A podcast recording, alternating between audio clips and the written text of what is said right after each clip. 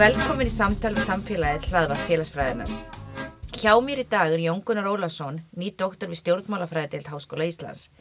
Jón Gunnar lauk doktorsprófi í fjölmjölafræði frá Goldsmiths háskólanum í London árið 2019 en áður hafði hann lokið Emma-gráði í alþjóðasamskiptum frá Háskóla Íslands og B-gráði fjölmjölafræði frá Goldsmiths árið 2005.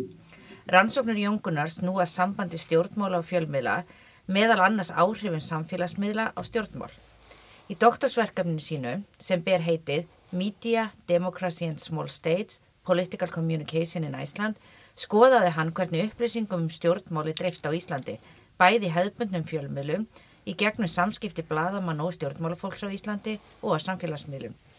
Hann hefur einnig skoðað falsfréttir meðal annars í tengslu við COVID-19 heimsfaraldurinn sem uppmeint sjónum að því hvernig smæð Íslands hefur áhrif á fjölmiðlarsamfélagi hér á landi.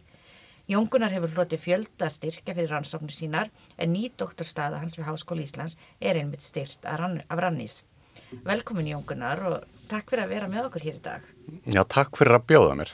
Það var nú lítið og mér langar bara svona að byrja aðeins á byrjuninni og mér fannst áhugavert að sjá að þú stundaði bíanámið þitt í Breitlandi sem er kannski ekki svona hinn höfðbundna leið fyrir litla Íslandinga. Mm -hmm. Hvernig kom það til?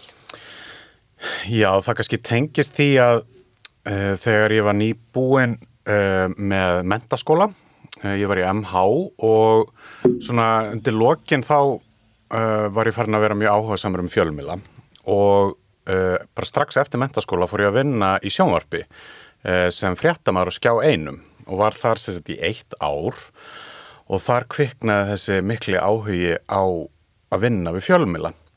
Þannig að ég fór að kynna mér stöðu mála hér og rætt rætti við mjög marga sem ég hef verið að vinna með líka áskjá einum og maður bara farin að þekkja alls konar fólk sem var að vinna við fjölmila og þá komst ég þess að því að það var ekki hægt að taka fjölmilafræði sem aðal grein uh, hérna uh, við Háskóli Íslands. Um, að það var hægt að taka sem auka grein og svo svona eitt ár uh, í framhaldi. En mér langaði að fara í fjölmilafræði, læra það. Og um, Þannig að ég fór bara að kynna mér uh, hvar ég geti gert það og ég bjóð sér satt í Breitlandi sem krakki og, og finnst alltaf pínu þegar ég fer þangað að ég sé komin heim til mín. Þannig að ja. það er eitthvað neginn svona, já það öruglega hefur stýrt þess að einhverju leiti líka en svo voru bara svo margir búin að tala vel um þannan skóla. Þetta er uh, svona einn starkasta fjölmjöladeilt í heimi og Þannig að ég fór hérna út á svona open day sem þetta var kallað og, og skoðaði líka alveg tvo aðra skóla. Um, en svo bara fjalli algjörlega fyrir þessum uh, háskóla og bara einhvern veginn stemningun eða þarna og, og þetta er svona þetta er svona, þetta er ekki listaháskóli en hann er rosa frægur líka fyrir myndlist og, og svona um, alls konar svona listagreinar og líka um, Svo er hann mjög sterkur í félagsfræði. Ég heimildir mín að segja að þessi margar hæðir af félagsfræðar. Einmitt, félagsfræðin er mjög sterk og, en þetta er fyrst og fremst sko félags- og hugvísindi og þetta er svona verkar lítill skóli. En allt þetta listadæmi á þeim tíma líka fannst mér alveg svona pínu töff já. og koma aðna þá svona alls konar listasýningar í gangi og fleira. Þannig að þegar maður svona, já ég var 21 ás að skoða þetta og það er eitthvað neginn, mér fannst það líka mjög sjármyrandi. Þannig að það er ekki endilega allt rosalega útpælt þegar maður er að pæla í svona á þessum árum en já, svo fór ég þarna í þetta BA-nám og var bara ofbosla ánaður mm. um, og, og svo eftir það að þá fór ég að vinna uh, á morgumblæðinu ég var búin að vera eins þar líka meðan ég var úti í uh, Breitlandi svona sem uh, fréttareitari og svo fór ég að vinna á ríkisútvarpinu í útvarpi, þetta var sérst bara svona sumarafleysingar. Ég setti mér eitthvað mjög svona random uh, markmið um að ég ætla að prófa að vinna í sjónvarpi, útvarpi og dagblæði áður en ég er því þrítur ég set mér stundum svona skrítin töluleg markmið. Og svo ætla ég að ákveða svona hvar ég ætla að vinna. Og, en svo bara komst ég svolítið að því að, að uh, mér langaði alltaf að kafa dýbra í hlutina. Um, þannig að þú veist, þetta er einhvern veginn svona já, svo endaði ég svolítið á því að fara þá frekar að stúdera fjölmilana en að vinna í þeim Já, og mér langar svolítið að koma aftur að þessu þarna bara klárar að mentaskólan og þú er bara strax komið vinna á fjölmili. Hvernig kom það til og hvaðan heldur þessi gífulegi áhugi á fjölmilum hafi komið? Mm. Einmitt, sko ég man bara alltaf eftir mér að uh, hérna horfa á fréttir og ég er mjög áhuga samar um það. Og ég veit ekki hvaðan það kemur sko, en ég er líka ólst upp á þannig heimilega að þú veist það var alveg stundum svona já, verið að ræða uh, eitthvað svona um pólitík og ég man líka svo með hérna, ég var oft hjá ömm og afa og þau voru alveg að ræða við mig svolítið bara svona eins og fullorðin, þú veist, hvað finnst þér um þetta og hitt og hann að, já, þetta sé ekki eitthvað svona blanda af því. Og svo bara einhvern veginn uh, fór ég í MH að uh, meðal annars að vera í rítstjótt fréttablasins þar. Já, og það er einhvern veginn bara held ég að þetta, þessi áhugi kviknaði. En sko ég var búinn í mentaskóla og fór þá að vinna á leikjanámskeiði sem að var bara fínt og ætlaði svo fara bara eitthvað að færiðast og vera svona eitthvað að pæli hinn og þessu. Og svo sé ég bara þetta starf auglýst að skjá einum og ég grófi þess að umsókn einhvern tímann upp um daginn og ég skammaðist mér svo mikið eða þú veist, bara svona þegar maður er 20 ára maður er svo einhvern veginn óttalaus og ekkert svona varst að fara að breyta heiminum? Já, já, líka bara svona alveg, kannski svolítið svona, ég veit ekki alveg hvernig maður orðar þetta pent á íslensku, en svolítið svona full of myself, eða þú veist, ég var svona, reyndur maður búin á fjölmiðlum í MH.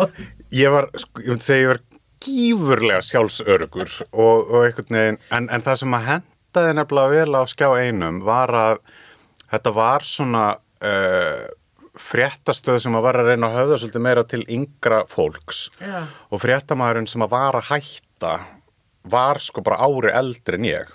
Já, þannig að ég held, það vantaði eitt svona ungan þannig að þetta stundu bara svona smelt passamaður inn í hlutverki og þetta var alveg rosa gaman. Og ég fekk ofta að heyra það hérna að ég sko var að spyrja allt öðru í þessi spurninga og, og við vorum oft líka að leika okkur með hluti eins og við vorum ekki með íþróttafréttir.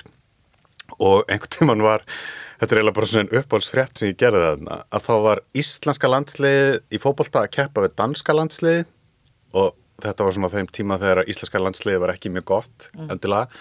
En þetta var svona, stórleikur og, og allt það og, og, og ég átti að fara og gera eitthvað fótboltafrétt og vini mínir og svona fjölskylda sem að þekkja mig vel vita að ég hef ekki mikið áhuga á fótbolta Þannig að ég var bara, hvað á ég eiginlega að gera? Og ég stóð svona, ég heyrði í íþróttafréttamörunum sem að voru fyrir framann mig að hérna, þeir voru allir eitthvað svona, ætla þú að vera með, ætla að vera með svona fjórir, fjórir, tveir vörn, ég kann ekki einu sinni hvað það heitir, uh, byrst afsökunar fyrir íþróttaðdóðandi sem er að hlusta á þetta. En svo kemur að mér og ég fer bara og spyr ert þú bestur í liðinu? eða þú veist, eh, er þið betri er íslenska liði betri en danska og af hverju og eitthvað svona, og þeir allir, sko, fótboltamennindi sem ég var að tala við þeir bara gátt ekki svara og fór í hlátuskast og, og úr varð alveg mjög fyndin frétt, sko, þannig að hérna, og er þetta til einhver staðar?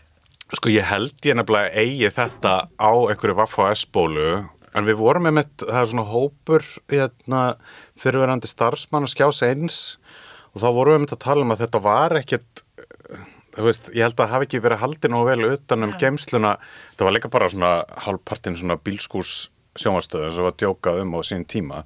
Og það var bara til x mikið af spólum. Svo bara þegar fréttatímin að því að sko allir fréttatímin var alltaf tekin upp en svo bara þegar spólurna kláraðist þá var bara byrjaði að taka yfir elsta uh, fréttatíman þannig að þú veist Já. það er svona, svona svo þessar gömlu Vaffa og S-bólur maður tók alltaf Já, það yfir var stundum kannski einhver ættingi tók yfir, þú veist, einhver myndbönd úr skonrokki hjá þér og það var bara heimsendi. og maður bara brjálaður, akkurat. Og svo svona vel mert bara ekki taka yfir þetta.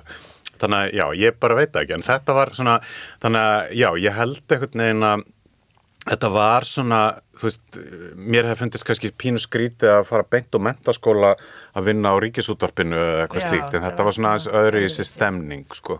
Og þarna þessi fyrstu ár þá greinlega ertu svolítið í svona þessu samblandi af í rauninni kannski bara svona hvað heitir það, feltið eða svona slíkt og síðan fræðunum. Og þú kemur aftur og byrjar að vinna þarna, pröfar útvarp og sjónvarp og blöð og allt þess en þú fer líka í alþjóðasamskiptin í Háskóla Íslands. Já. og svona af hverju tókstu þá ákvörðun fannst mikilvægt að bæta það við þig? Og hvað er svona kannski sem að þú hefur tekið með þér úr því námi? Sko ég hérna um, var að hugsa þegar ég var að klára að núti að mér langaði rosalega mikið að fara í alþjóðsanskiti uh, og var að skoða það í Bretlandi. En svo bara vildi þessu skemmtilega til að það að byrja með svoleiðist nám hérna 2005 og ég þekkti nokkra sem að fóru í það og uh, fólk var bara rosalega ánægt og það sem að hellaði mig var að ná svona svolítið Íslandstengingunni uh, í náminu og, og líka eftir að búin að vera úti það fannst mér alveg svolítið spennandi að prófa líka að fara í háskóla hér. En það var í rauninni sko sem að hugsa maður tilbaka og sko hversu útpælt var þetta? En ég man allavega að ég var mjög mikið að hugsa að mér langaði að fara í eitthvað sem að væri aðeins meira svona pólitíst hérna, og ég hef alltaf haft rosalega mikið áhuga á alþjóðmálum uh, til dæmis sérstaklega bandariskum stjórnmálum uh, og, og líka bara einhvern veginn, já, svona þróun í, í alþjóðakerfinu og því. Þannig að hérna Þannig að þa það einhvern veginn lág alveg svolítið beint við. En það sem að ég fór svo að gera í náminu var að sko tengja fjölmila fræðina inn í alþjóðsanskiptin og það er svolítið svona kannski fyrsta fræið í áttina því að ég fer svo í þetta doktorsnám hann að mörgum árum setna að það sem að ég fór að velta fyrir mér uh, að hvaðan fáum við upplýsingar um alþjóðmál? Já, við fáum þau auðvitað svo mikið í gegnum fjölmila og hvað eru fjölmilar að fjallum, hvað eru þeir ekki að fjallum og svo framvegis. Þannig að það fór svolítið að vera svona leiðarstef einhvern veginn í öllum rítgerðum sem að ég var að gera og, og fleira. Þannig að ég fór svona svolítið mikið að blanda þessu saman. og gerður þá mastersverkefni þetta eitthvað tengt þessu? Já, þar var ég að skoða í rauninni hvernig er uh, fjallað um innflytjendur uh, á Íslandi en út frá svona glæpa, þetta var svona á þessum tíma uh, þegar að það voru svo mikið verið að fjalla um eitthvað svona glæpa gengi Já, og en ég var að setja það svolítið í samhengi líka við svona hvaða hugmyndir Íslendingar hafa um sig já, sem svona eh, þjóð og, og sjálfsmynd sína. Þannig að svona hvernig var verið að lýsa sem glæpum útlendinga mm. með við hvernig var svo verið að lýsa glæpum Íslendinga þannig að ég tók svona greiningu á því og setti það í svona stærra kenningalegt samhengi og hver var munurinn? Hvað sagði okkur um sjálfsmynd Íslandinga? Já, sko, það er svona, hérna, þegar það var verið að e, lýsa sem glæpum hjá útlendingum, að þá var, fylgdu oft svona e, nákvæmari lýsingar Já. og svona, svona hrottafengnari, oft svolítið svona jafnvel verið að, já, bara, það fór svona grafískari umfjöllun og, rosalega oft verið að tengja það einhver, einhvern nátt líka við, sko, þjóðernið Já, og það var bara rosa mikið verið að skipta fólki svona upp í tvo hópa svona við og hinni. við og hinir, Já. akkurat þannig að svona, ég upplegði svolítið þannig að, að þegar maður las þessar lýsingar að þá gæti maður svo speklaði í því að Íslandingarnir voru þá allt sem að þessir útlendingar voru ekki Já. skilur þannig að hérna það kom oft bara svona stutt lýsing uh, um eitthvað svona afbrot sem að voru þá frekar Íslendingar sem voru að fremja, ekki verið að tala um þjóðverðni og, og svo framvegið sko. En þetta var, þú veist, þetta var gert aðalega með gögn frá 2007, þannig að þetta hefur auðvitað breyst mjög mikið. Núna kannski umræðan um glæpi að einhverju leiti, en, en svo sér maður þetta alltaf, veist, ég, því þetta er auðvitað bara svona viðfangsefni sem að ég kláraði svolítið í mínu mastersverkefni, eða svona, ég allavega fór ekki að þróa þetta áfram sjálfur, svo hafa bara aðrir verið að skrifa um innflytendur, en og, og svona fjölmjöla í þessu samingi en maður sér þetta alltaf poppa upp reglulega sko. Já, og þetta er náttúrulega, er náttúrulega bara við hugsaum um fordóm og til dæmis hvernig þetta býr til heimsmynd fólks. Já. og ég auðvitað hefur að skoða eins og geran vandamál þar sem er þetta sama, það er alltaf tekið fram með einstaklingur á við geran vandamál að stríða. Einmitt. Og þá er það það sem að lesandinn í rauninni sér. Mhm. og þú sér, þú veist, frá Litáin eða frá Íslandi eða sama hvaða land var notað þá fyrir við oft kannski að halda það sem miklu meir og miklu algengara heldur en það sem er ekki sagt. Mm og það sem er ekki sagt náttúrulega til dæmis er að vera Íslendingur -hmm. þannig að þó það sé kannski 90% af fréttunum Mhm. þegar stendur ekki Íslendingur gerði þetta Mhm. þá einhvern veginn gerum við ekki þessa samsömmun sem við síðan gerum Nei þegar það eru þá eins og segir hinir Já, og þetta var einmitt svona orðraðu greining og það er eitthvað svona sem líka sem að mér finnst hérna bara í eins og alþjóðsanskiptum og, og í svona þessum uh, pólitísku hérna rannsóknum oft á svona, já, alþjóðagrunni að það er ekkit endilega mikið verið að vinna með svona rannsóknar aðferðir Já, og mér fannst það rosalega áhugavert. Og maður velti fyrir sér til dæmis bara eins og eh, sko ef ég væri ennþá í svona alþjóðsanskipta rannsóknum meira, þú veist bara til dæmis hvernig er að fjallum þetta Úkrænumál hvernig rússar er að byrtast með að við bandir ekki menn, þetta er svo áhugavert. Og Já. segir okkur svo mikið hvernig við erum að líta á heiminn. Mm. Þannig að þú veist ef ég væri nefandi í alþjóðsanskiptu núna vá hvað ég myndi vilja stúdera þetta til dæmis sko. já, er þannig að hérna og, og þetta blandast auðvitað svo alltaf inn í fjölmjölafræðina Já. þú veist að því að um, það er bara, það er alltaf að minka og minka sko umfjöllun íslenska fjölmjöla um, um erlend mál Já. sem ég hef bara miklar áhyggjur af en um, sem tengist líka bara erfum starfsaðstæðum á íslenskum fjölmjölamarkaði en hérna en já, en það væri líka bara að vanta líka bara fleiri rannsóknir um, þú veist, hvernig við erum að hvaða lönd er að byrtast og, og hérna, um hvað er fjallað og hvernig og mér finnst líka oft uh, og það er kannski einna best gert í útvarpi finnst mér, að mér finnst líka oft að vanta bara svona samhengi. Þú veist, ég man eins og þegar ég var að vinna í útvarpinu þá var hræðilegt ástand eins og svo oft á þessu gasasvæði. Og það var endurist verið að flytja fréttir af því, þú veist, þetta er að gerast á gasa þetta er að gerast á gasa, svo, svo, svo er ekkert um hann fréttafundum um einn morgunin og ég var bara eitthvað að vita Íslandingar hvað gasasvæðið er? Já, og við vorum bara svona að ræða þetta, ég alveg viti þið hvað þetta er nákvæmlega, það var allir svona, já, svona sirka, og þú veist, þá fekk ég bara uh, sérfræðinga inn í þáttinn bara til að útskýra fyrir okkur hvað er gasasvæði, þú veist, af hverju er þetta í gangi núna og, og, og þetta hefur alveg verið svolítið gert í, í samengi við Úkrænu deiluna núna, en það er samt svo rosalega oft finnst mér sem að þetta er ekkit endilega sett í samhengi.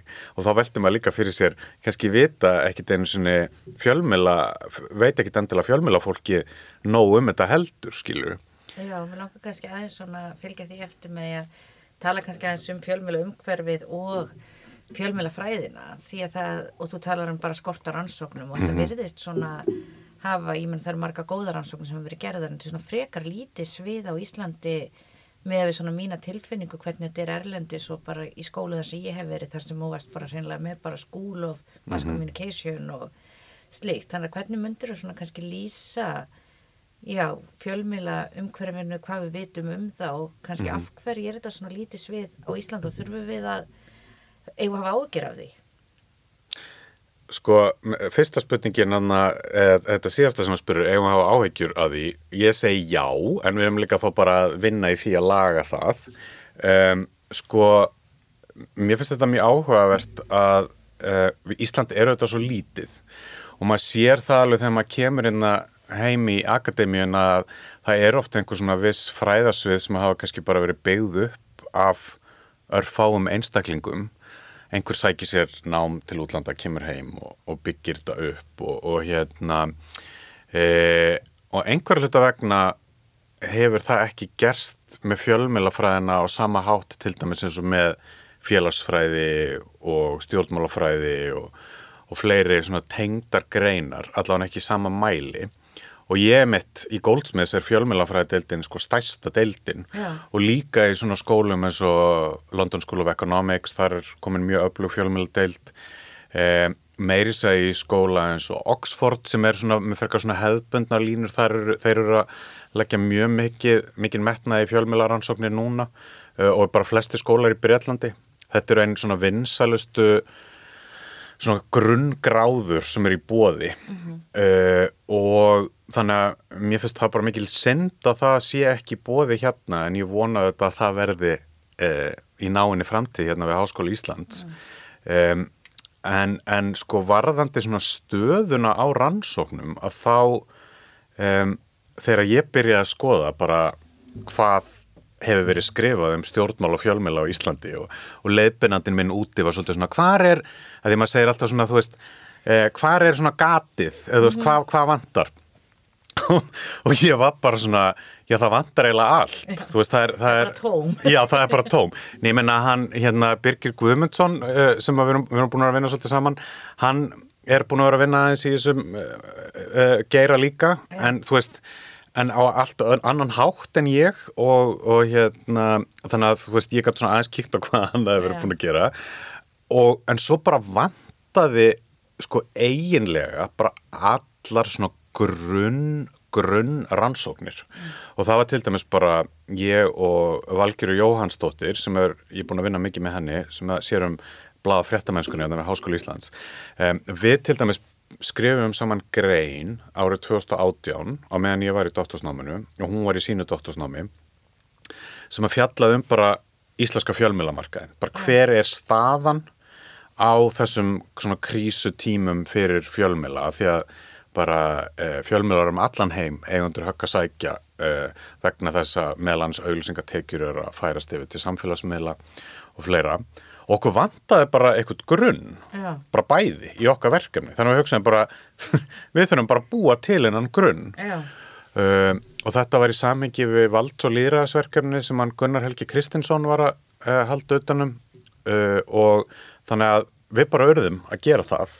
Og svo hérna var það samt mjög hjálplegt að Valgerður var í doktorsnám á sama tíma og ég og meira svona að skoða sko stöðu blaðamennsku. Já, og á meðan að ég var að kortleggja svolítið meira uh, stjórnmála svona umfjöllun og svona dreifingu upplýsingu um stjórnmál um, en uh, já, við svona þurftum bæði eða ákvaðum bæði í okkar námi að taka svolítið svona kannski víðari nálgun en er algengt að gera í dottorsnámi bara vegna þess að það vantar svo mikið af upplýsingum hérna á Íslandi. Eh, Þannig að enn sem betur fer sko erum við alveg búin að vera að gefa svolítið út og, og svo erum við búin að vera hérna fimm saman í rannsóknarverkefni sem að uh, heitir Worlds of Journalism Study sem er svona risastór alþjóðlega rannsókn sem er framkvæmt í yfir hundra löndum.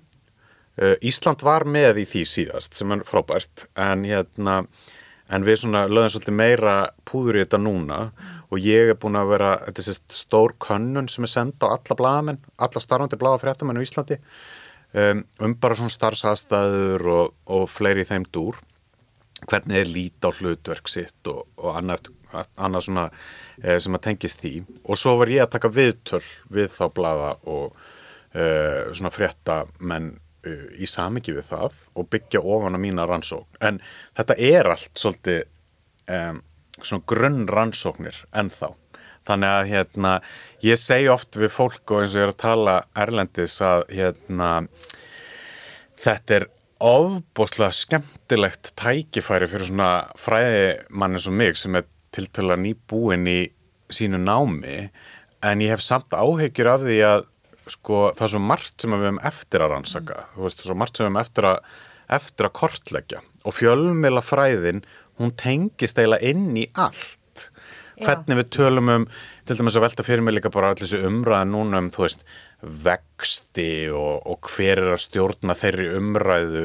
Þú veist, maður sér eiginlega allt það er að koma frá böngunum sjálfum Já. okkur greiningadöldum þar þú veist, hvernig er þetta virka hvernig er þetta í samingi við hvernig er í öðrum ríkjum og fleira, það bara þú veist, ég geti sest niður og skrifa svona 200 hugmyndir að meistararítgerum sem að þannig að þetta er óbúslega spennandi en við þurfum líka alveg að virkilega að fara að taka okkur á um, og maður finnur það meiri segja þegar við erum að bera okkur saman við sko hinn Norðurlöndin sem eru auðvitað fjölmennar en við en kannski svona aðeins uh, eðlilega að bera okkur saman við þau en til dæmis Bretland að við, það bara vandar svo mikið þetta er svo vandræðilegt, finnst mér og bara í öllum svona það er rosalega oft þegar ég var að lesa í mínu doktorsnámi þá tala um á Norðurlöndunum er þetta svona og svona og svo kíkti ég og það var allt bara að vera að tala um þessi fjögur stærri lönd. Já. Ísland var bara aldrei með. Já. og það var bara því að það voru ekki til nennar upplýsingar. Já,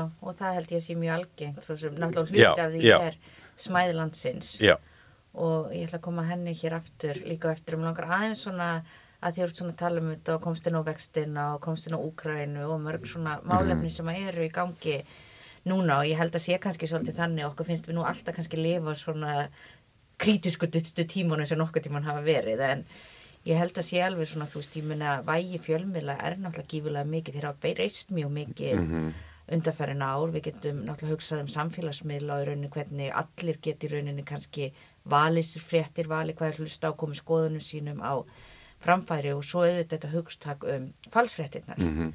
Þannig að svona kannski þú myndir aðeins vilja svona ræða um það að þú veist hversu mikilvægt í rauninni er það að við séum með fjölmjölafræðina sem vísið að greina þessum tímum? Og líka því að komst inn í eins og bara vextina, þú veist, þetta eru upplýsingar sem koma frá böngunum. Eh, ég til dæmis og kannski svona minna eftir að ég kynntist þér betur en til dæmis bara þú veist þessi munur á til dæmis upplýsingar sem koma frá almannatenglum mm að þú sem að þú kannski bara tekur svona sem já, já, þú veist, þetta er svona. En það eru náttúrulega bara einhverju á háun launum hjá okkur fyrirtækjum sem að er að koma því í fjölmiðl og við erum náttúrulega ekki með sama aðgengi að mm fjölmiðlum þó að hluta til kannski virðist afbreyst út af samfélagsmiðlum Mhm. en þetta virðist vera svolítið frumskóur og kannski meiri frumskóur heldur en áður sko algjörlega, þetta er orðið miklu flóknara eh, og svona dreifðara en þetta var áður. Þú veist, hérna í gamla daga, þú veist, svo vil maður heldur ekki vera að tala endur um eitthvað svona gullöld, þú veist, var, hafa alltaf verið einhver vandamál, sko, en þá voru miklu færri upplýsingaveitur. En sko likil hugtaki hérna er svolítið þetta orð hérna hliðvarsla eða gatekeeping. Að, að sko það sem að hefðbundnir fjölmilar sem að eru þá með einhverja rítstjórn og, og fleira sem að þeir eru þetta eiga að gera er að þeir fá upplýsingar og vega og meta þær og koma þeim svo á framfæri eh, til almennings. Og sko mér finnst við svolítið hérna á Íslandi oft vera svo rosalega upptekin af þessu hérna, orði hlutleysi. Allir fjölmjölar er að vera svona rosalega hlutleysir í öllu. Ég er ekkit endalega við sem ég sé sko 100% sammála því að því maður til dæmis skoðar um, í Bretlandi þá eru oft fjölmjölar sem eru kannski meira hæri sinnaðir eða meira vinstri sinnaðir en þeir vinna sko þeir eru ekki að búa til bara einhver gögn eða bara bulla, mm og en þá veistu bara, heyrðu, ok þetta blað er að taka aðeins meira svona íhaldsamara spinn á hlutina en en The Guardian er að taka kannski aðeins inna, og þá bara veistu það og lesta svona með þannig krítiskum ögum en þetta er allt vöndu blaðamennska. Það er kannski bara svona íhaldsamari típur sem að vinna af einhverju blaði og annað. En hérna á Íslandi þá er þetta einhvern veginn orðin svolítið svona hrærigrautur finnst mér og það er svona svona rætt um tiltekna fjölmila með eitthvað svona bias en, en það er ekkit endilega svona opinbert og hérna e, þannig að þa það er oft svona þegar ég er að segja hvað ég er að rannsaka sem að fólk nefnir alltaf fyrst bara að þetta er orðið svo hræðilegt hérna hérna svona, já, ástand á íslensku fjölmjölamarkaði og fólk fer oft í þessu svona yktustu dæmi. Um, þú veist eins og þetta samherja mál og, og fleira. En það sem að ég hef eiginlega og, og mér finnst það mjög mikilvægt en það sem að mér finnst líka við meðum ekki gleyma er að skoða bara svona starfsaðstæður svona dagstaglega skilur, þegar það er ekki eitthvað svona stórt mál eins og Panamaskjölin eða eitthvað slíkt. Um, og það var það sem að ég var að skoða til dæmis í mínu doktorsverkefni. Ekki, ég var ekki að skoða tímabil þegar eru kostningar sem er mjög algengt til dæmis í svona um, vinnu heldur var ég að skoða bara þú veist hvernig eru starfsaðstæður bara venjulega þú veist og ég spurði til dæmis í mínum ranns, eh, minni rannsókn alla, ég tók viðtöl við sko eh, bláða fréttamenn og stjórnmálamenn. Og ég var með eina opna spurningu í byrjun sem var bara hvernig fjalla íslenskir fjölmjölar um stjórnmál Já, sem að var svolítið svona grundvallar spurningi var það ekki að því að koma aftur í doktorsverkefnið. Jú, Það var svolítið svona grundvallar spurningi þínu verkefni var það ekki? Jú, Þú segir okkur aðeins frá því. Jú, og það var sagt, og það tengist svo vel þessu sem að þú varst að spyrja með mér með stöðuna, að það sem að mér fannst alveg magnað er að uh, eiginlega allir sögðu yfirbóskent eða grönt eða að hérna að sé svona reaktiv ég man ekki hvað gott íslenskt orði við það. Svona viðbragð, það er að vera Já, bara- bre- bregðast við. Og það er þetta sem að þessi punktur sem að mér langar að koma að með almannatenglana og, og fleira að það er að sogast svo mikið af sko blaðamönnum þessast fyrirhandi blaðamönnum sem eru fannir að vinna bæði sem almannatenglar en líka bara svona upplýsingamiðlun hjá hérna sko ráðherrum, hjá ofinbjörnum stopnunum og fleira. Þannig að það er komið svo mikið eh, sko margi starfsmenn þar sem að geta algjörlega sett upplýsingarnar í eitthvað svona þægilegan pakka sem er svo sendur á mbl.is og vísi.is og aðra svona netmiðla sérstaklega sem er að, að byrta fréttir allan daginn. Og þetta er oft bara byrt án þess að sé sko hérna eitthvað verið að vinna meira með þetta. Og þetta finnst mér mikið áhyggjaefni það er sko þetta rosa margt eh, gott gert á öllum þessum miðlum líka ekki miskila mig en, hérna, en þetta er að að sko fólk, starfsfólki þarna og líka alveg stjórnmálamenn hafa miklar áhyggjur af En mér langar líka svolítið að velta þarna fyrir mig sko smæðinni og koma með hana og auðvitað náttúrulega er þetta kannski í starri samfélög og líka fólk fer úr blaðamennsku yfir einhver fyrirtæki. Já. En hér er þetta svo lítill heimur já, að þú veist, þú einhvern veginn velti fyrir, þú veist, nú vinn ég kannski á vísi já, og svo fæ ég eitthvað frá honum, þú veist, Jóa vinnu minni sem ég þekki vel og treysti, sem var einu svona vinna með mér á vísi, en er núna koni hjá einhverju fyrirtæki. einmitt Þannig að kannski að gaggrínin verði stundum minni líka í samfélagi þar sem allir í rauninni þekki alla og þú er kannski að ætla að fara að gaggrína einhvern stjórnmálamann og svo er því fermingavæsli saman Mhm. helginu á eftir. Mm -hmm. Þetta áhrif svona bara þessi smæð og þessi tengsl og þessi nánd?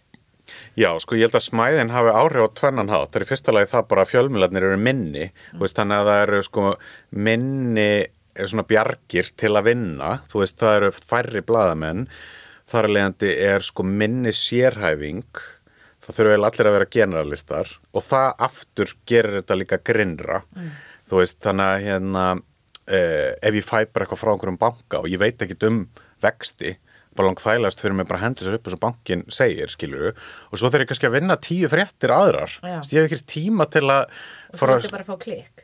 Ak, já, þú veist, ég meina að þetta gengur rosalega mikið út á það að þú þarft bara sagt, uh, delivera bara rosalega mikið. Og það var einmitt eitt sem að nokkri voru að velta upp sko, hvort að við séum kannski bara framleiða allt og margar fréttir. Og hvort það sé bara of mikið frambóð hérna, af efni að því að það er svo mikil krafa á alla.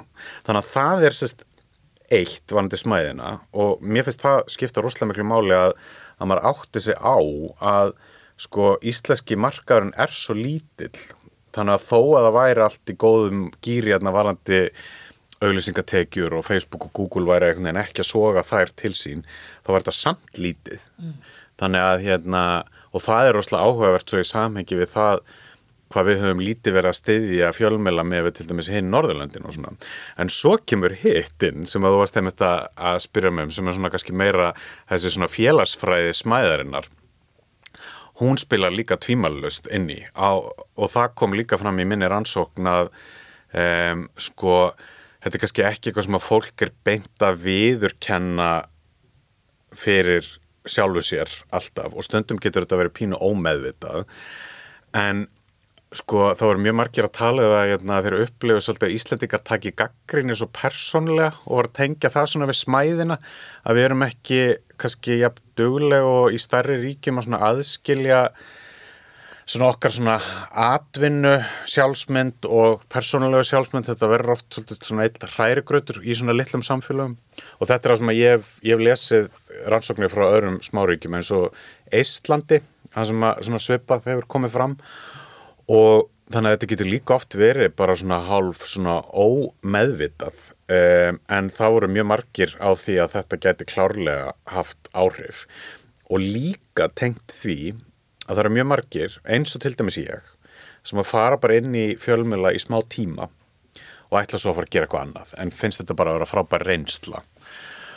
Og þá einhvern veginn veldur fyrir ertu með eitthvað rosalega mikinn kvata til að fara að vera með eitthvað brjálega slamikla gaggrinni og hérna vera mögulega málað út í hotna og okkur tilteknum sviðum sko. Um, þannig að sko eins og ég segi það var kannski ekkit mikið af svona konkrétt svona dæmum sem að komu fram og ég er heldur ekkit endla við sem að þessi besta leginn til að nálskast þetta allt saman sko í gegnum viðtöl. En þetta er eitthvað sem mjög margir hafa áhyggjur af og halda tvímælilaust að geti haft áhrif. Þannig að hérna um, en svo, einmitt, ef ég tengi þetta svo að þess að pælinga áðan sem varst að koma með varandi falsfréttinnar að það er líka með þetta þessa afgreðslu þessar afgreðslufréttir eða svona, ég talaði líka um í rittgerinni minni svona Facebook fréttir þar sem þú ert að taka svona statusa bara beint upp að það er líka sko ef það fer eiginlega engin greining að vinna fram og þú ert bara að taka bara eitthvað beint sem einhver ráð þeirra segir á Facebook og bara byrtir það beint að þá er líka miklu meiri líkur að þú getur komið bara einhverju svona bulli í dreifingu ef að þú ert ekki að sko staðrenda tjekka hlutina. Og allt sem er að gerast hérna á Íslandi og öll þessi þróun sem ég lýsi í mínu dottorsverkefni hún auðvitað á sér stað líka erlendis en eins og þetta blasir við mér að þá er smæðin hérna á Íslandi að hún ígir þetta allt. Þannig að sagt, ef ég skoða til dæmis tölu frá Breitlandi þá hefur fækka mjög mikið í blaðamennsku þar. En þar eru samt miklu fleiri blaðamenn að vinna. Það er ennþá sérhæfing og fleira. Uh, hérna voru kannski með veist, það er ekkit vola langt síðan að voru nokkrir þingfréttaréttarar til dæmis í alþingishúsinu Já. núna er bara einn sko, og, og, og, hérna, og ég heyrði það til dæmis bara að e, stjórnmálamenn voru að segja það að, að hérna, stundum er eða er eitthvað stórt í gangi þá er kannski tveir eða þrýr nýri Já. þinghúsinu og þá eru þessir aðilar ekki endilega með nákvæmlega sama fréttamatið skilur og taka Já. kannski eitthvað aðra vinkla veist, það er ekkit gott fyrir stjórnmálin að sé bara eitt þingfréttaritari. Það er ekki gott fyrir fjölmiðlana það er ekki gott fyrir lýraðslega umræðu. Við þurfum auðvitað að vita hérna veist, hvað er í gangi.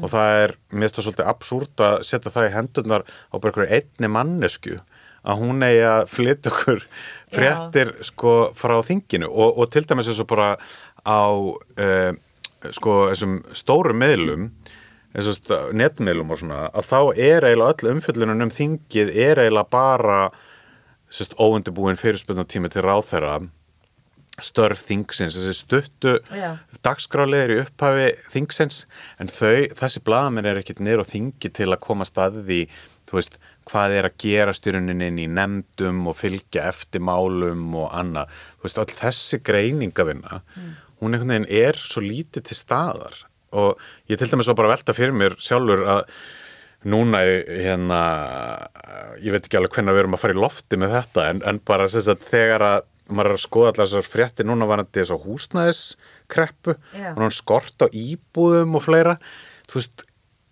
ég til dæmis er mjög áhuga sem er að vita veist, hver ber ábyrð á þessu og hvernig er hægt að laga þetta og, og hérna, þetta verður til dæmis svona greiningavinna sem ég myndi halda að, að sko blaðamenn sem að væri eitthvað kafík pólitík ætti að skoða, Já. þú veist, er þetta, þetta sveitafélagin, er þetta ríkið, þú veist, hvernig virkar þetta og hérna, og það er vantar svo mikið svona umfjöllun. og sumu leiti kannski og einmitt þetta að hugsa um, þú veist, um eitt þingfrétta rittar og að því voru nú að tala um hér já, kannski að sumu leiti að við þurfum ekkert endilega að líta á fréttamennsku sem hlutlaus og auðvitað vitum við það að það er engin hlutlaus það er ekkert, ég meina við erum manneskjur og við komum inn með alls konar skoðanir og alls konar hluti í allt sem að við gerum.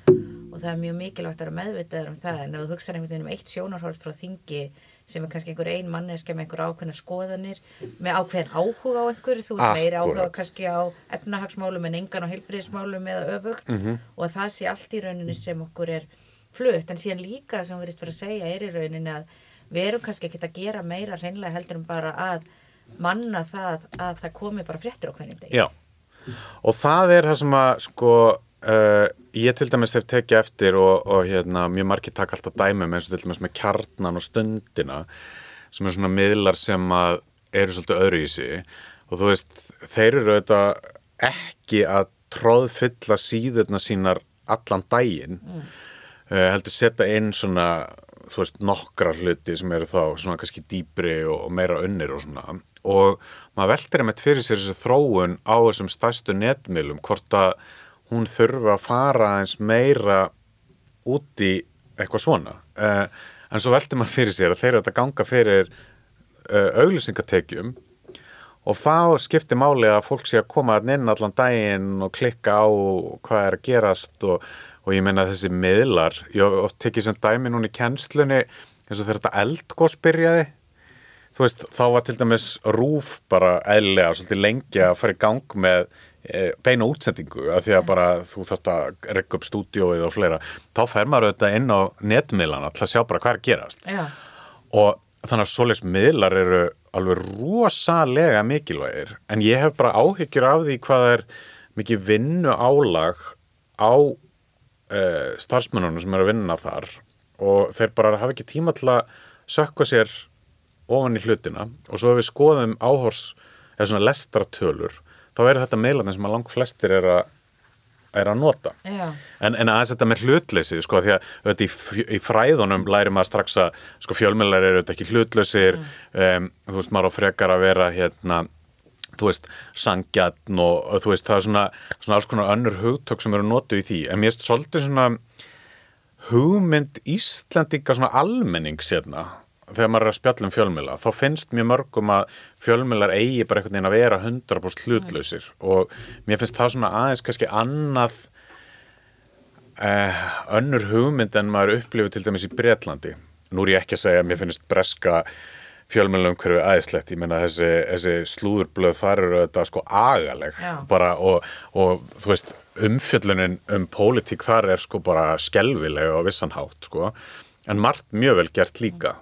Uh, og, og mér finnst líka bara eins og ég elskaði þegar ég var hérna út að horfa alltaf á Newsnight mm. sem er svona klukkutíma frétta þáttur uh, á BBC og þar eru stjórnmálamenn, þeir eru bara gjössanlega grillaðir. En allt ofbáslega hérna faglegt, vel unnið og þar upplifa maður líka svolítið að stjórnmálamenn að þeir vilja oft fara í svona viðtöl og ná að standa sér vel og þá er bara það mál einhvern veginn búið.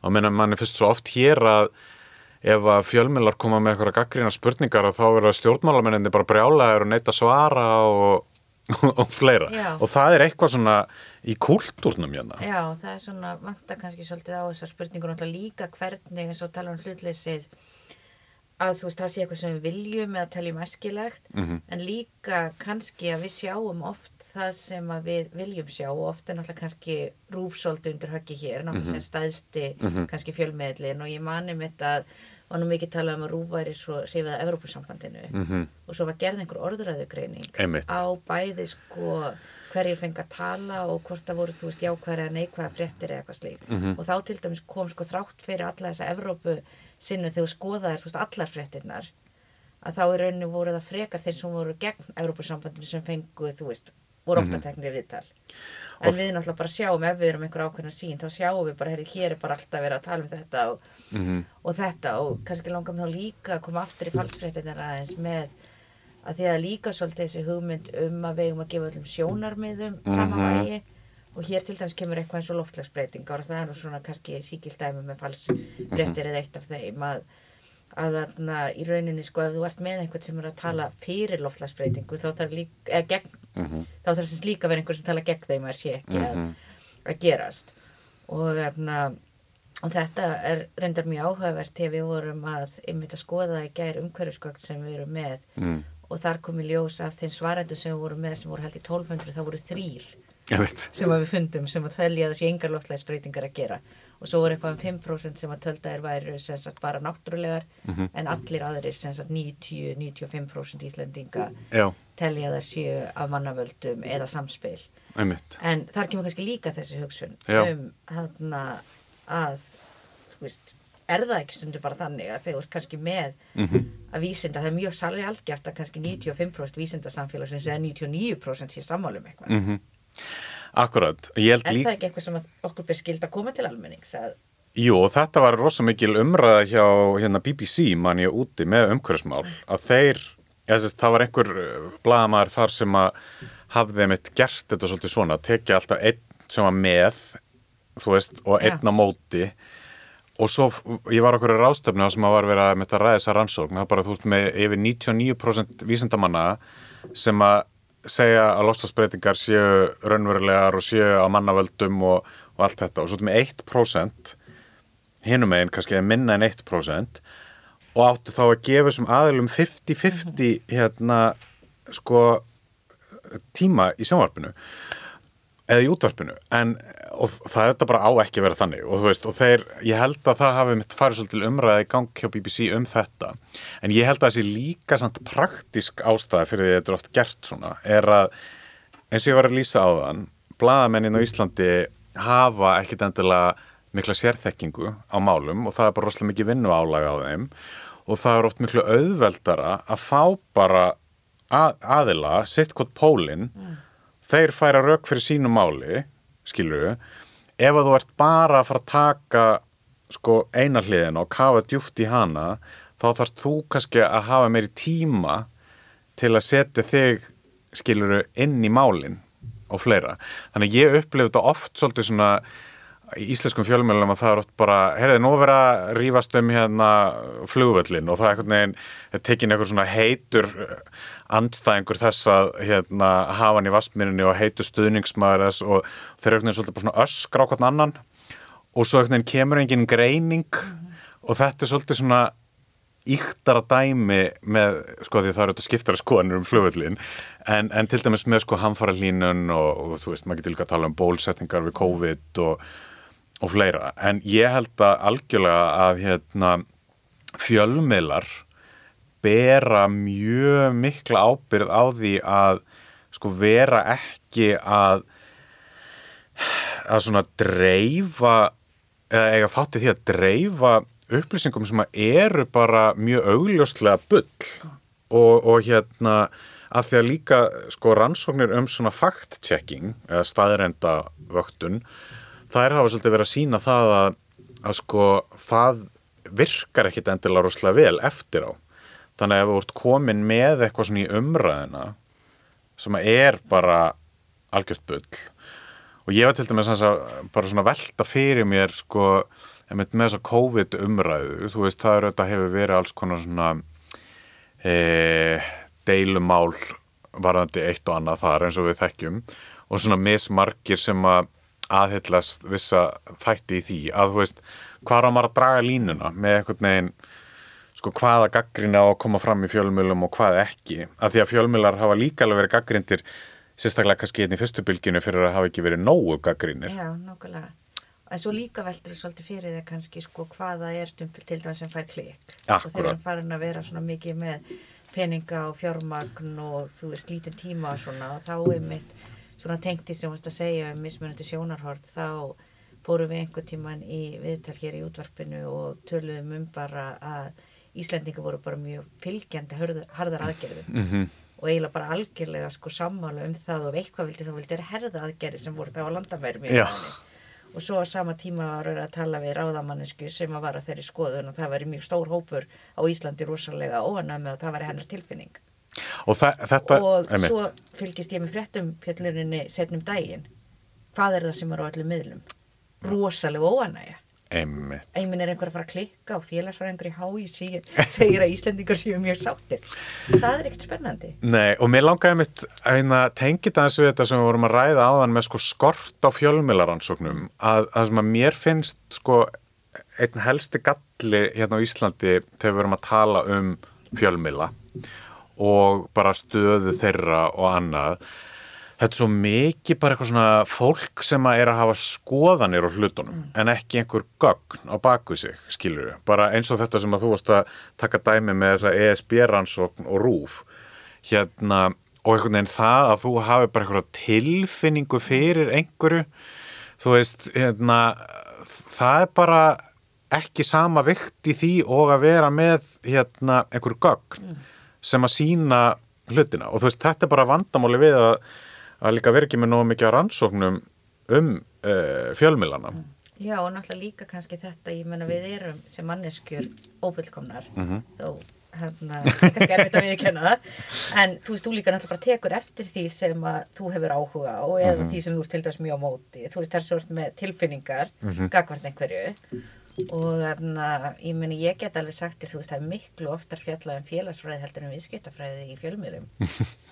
Myndu gögnin sína það? Ég efast um það. einmitt, En þú akkur- veist, hvar fyrir eira mitt að hlusta? Akkurat, og við búum líka í þannig umhverfi núna að það er svo auðvelt að velja bara hvað þú sko, hérna, hvað þú skoðar Já. og það eru þetta ein svona stór breyting sem að tengist líka sem þessari falsfrétta umræðu, þessi bergmálsherbyggi og allt það að, að þú getur svolítið valið þér bara nákvæmlega sjónarhótt sem að þú vilt ef þú ert til dæmis rosalega mikið á móti bólusetningu með COVID, þá getur þú bara verið allan daginn Já. bara að lesa þannig fréttir, skilur og þetta er auðvitað eitthvað sem að hefur sko breyst rosalega mikið á stöttum tíma en hérna en svo þetta má maður líka ekki gleyma þessu í allir þessari umræðu er að þú veist, fjölmilar eiga líka þetta alveg að vera skemmtilegir og, og svona aftrengagildi og annað og mér finnst því oft svolítið verið blanda sa, þetta verður oft svolítið svona eitt hræri gröður á Íslandi að, að því að sko fjölmilar gegna líka bara óbúslega miklu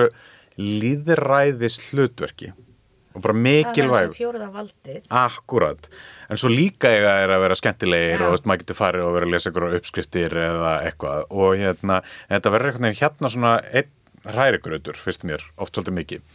En eh, sko, af því að talað um rannsóknir, uh, þannig að hefur verið sínt fram á það í alþjóðlegum rannsóknum sem að sko Ísland hefur ekki verið með í þessu, hinga til held ég, en þá til dæmis var uh, einn, annar af uh, þessist leiðbeinandunum mínum úti að hann var að halda utan um þetta og síndi fram á að þeir voru að skoða þessist svona hversu mikið fólk vissi um stjórnmál, svona political knowledge, bara alls konar svona einhver, einhverju svona almenni hlutir svona sem þú ættir að vita úr fréttum. Eða þú fylgdist eitthvað með.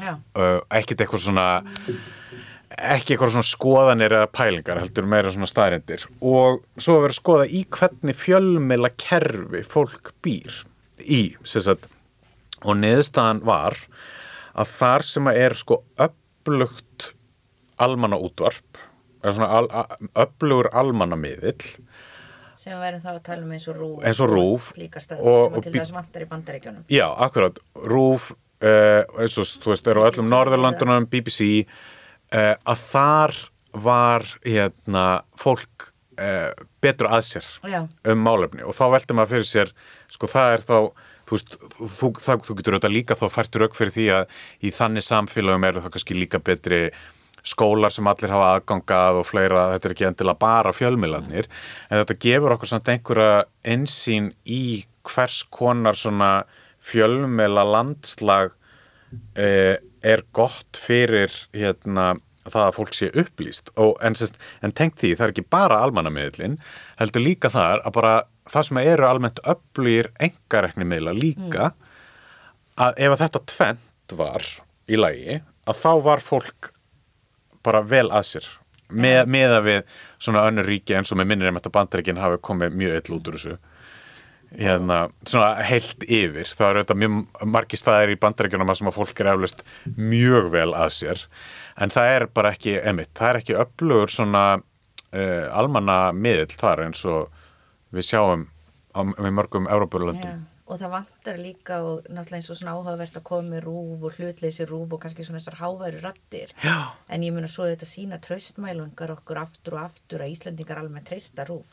Það er nefnilega málið. Og það, er, það eru þú veist gögn sem að við erum með að bara eins og við valgerður hérna um að taka saman og maður er að skoða. Það er alltaf bara, fólk treystir fréttastofu rúf bara mjög vel þrátt fyrir allar þessar árásir sko. Og ég menna, en við höfum líka að passa okkur á því að sko fjölmilar og blaðamenn eru ekki hafnir yfir gaggrinni og við verðum að alltaf að vera gaggrinnin og spyrja spurninga og, og hérna og, og, og þeir eru ekki undanskildir þess sem ég var að segja áðan með að kannski fólk er stundum að taka gaggrinni aðeins og persónulega á Íslandi.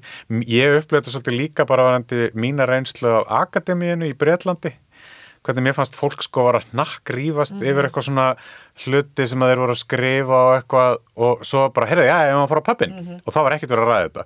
Menn ég sá fyrir mér, ef að þetta væri á Íslandi það er bara allir farið í fílu en þú veist, þetta er eitthvað svona félags uh, sálfræðilegt dæmi sem að ég svona, kann ekki alveg nógu vel, en þetta er eitthvað svona sem að ég manni, var allan að upplifun minna viðmælanda En við langar kannski svona aðeins í lokin að þarna að því mjög mjög áhugavert sem að segja að í rauninni bæði hvernig þið valgerður hefðu eiginlega þurft að skrifa þessa grein bara til að taka stöðun á markanum Mhm. og líka þetta með að svona kannski já ef að við teljum það æskilegt að fólk sé vel upplýst Mhm. þá er þetta einhver töfra blanda af sterku almenningsfjölmiðli og engaregnum fjölmiðlum svona kannski bæði bara almennt hvernig staðan er 2022 en líka kannski með það sem þið skoðuð þarna í þessari grein. Já. hvernig er fjölmiðlamarkaðurinn á Íslandi í dag hvernig stöndum við á þessum tveimur sviðum Já, sko það sem að ég er nefnilega búin að vera að taka við fullt af blaðamennum núna þannig að maður svona svolítið kannski litar af því að það margt gott það sem að eiginlega allir tala um að er að ganga vel eru svona þessir kannski minni miðlar þú veist það er mjög margir hrifnir af eins og til dæmis kjarnanum stundinni svona afmarkaðir þættir sem er verið að gera þar.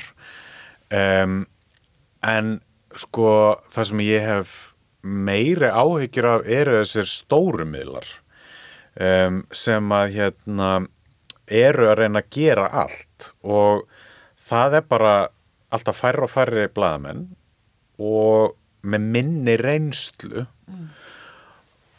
og þá líka velti maður fyrir sér bara valdajafvægi gagvart í þú ert að taka við fósundisar á þeirra og ert allt innum bara eitthvað 22 ára nemi í, þú veist, háskólanum eða eitthvað, þú veist, þetta er ekki þú veist, sama hversu næs stjórnmálamenn geta verið eða, þetta er bara ekki hérna, þetta, er ekki gott, sko. Um, að og svo bara hef ég líka áhyggjur á því hvað sumir stjórnmálamenn eru að ráðast á fjölmila Já, uh, og um, en það sem að mér finnst svolítið áhugavert og bara finnst, hefur verið að gerast svolítið svona bæði stjórnmála fólk og, fjölmi, og erna, fyrirtæki. Algjörlega, þannig að mann finnst þetta svolítið svona já. óhugnalegt en það sem að ég, mér finnst áhugaverð þróun og ég er spenntur að fylgjast með er að mér finnst líka kannski íslenskir fjölmilar ekki hafa staðið nóg, eða sérst það hefur ekki verið mikil umræða um svona fæið, þú veist, blaðamennsku svona innan svona fagfélagsins og bara stöðuna. Og mér finnst það svolítið verið að breytast núna, þannig að ég er svolítið spenntur að fylgjast með hvernig það þróast. Um, en það þarf auðvitað bara hérna uh, betri rekstrargrundvöll hérna fyrir uh, fjölmila og það er bara sagt markarinn var lítill fyrir en svo er bara algjör markasbrestur núna með þessar samfélagsmiðla og fleira. Þannig að það þarf auðvitað við þurfum öflugan öflugt ríkisútvarp en við þurfum líka öfluga fjölbreytta alls konar hérna eh, miðla. Og ég verð mjög hamingjusamur þegar vonandi þetta verður orðið þannig að það eru bara alls konar miðlar hérna og sumir sem að mér finnst fáranlegir en eru bara með sína, sína á hlutina en bara vinnað og vel og svo aðri kannski sem ég er meira sammóla þannig á þetta að vera, þú veist, þetta er svona almanna rými að sem að við erum að takast á um skoðanir og pælingar. Og þú veist, það er ekkit gaman ef við erum öll sammóla en það þarf að vera, þetta þarf að vera sko byggt á alvöru faglegum vinnubröðum og hana nú. Já, ég held að það sé bara frábær uh, loka orð og ég held að við gætnum spjallað um þetta hér í allan dag og reynslan svona kannski sýnir það að þegar við spjallum saman þá tekur það stundum dálítinn tíma þannig að við örglega þurfum að fá þig aftur hér að ræða frekar um fjölmila og sérstaklega líka eins og kemur inn á mikilvægi þess að uh, við í rannsóknarsamfélaginu kannski tökum okkur svolítið saman og í andleitinu og Já, förum að stunda öflugar, en öflugri fjölmiðlaransóknir hér á landi. Þannig að bara kærar þakkir fyrir að vera með mér í dag. Já, takk fyrir mig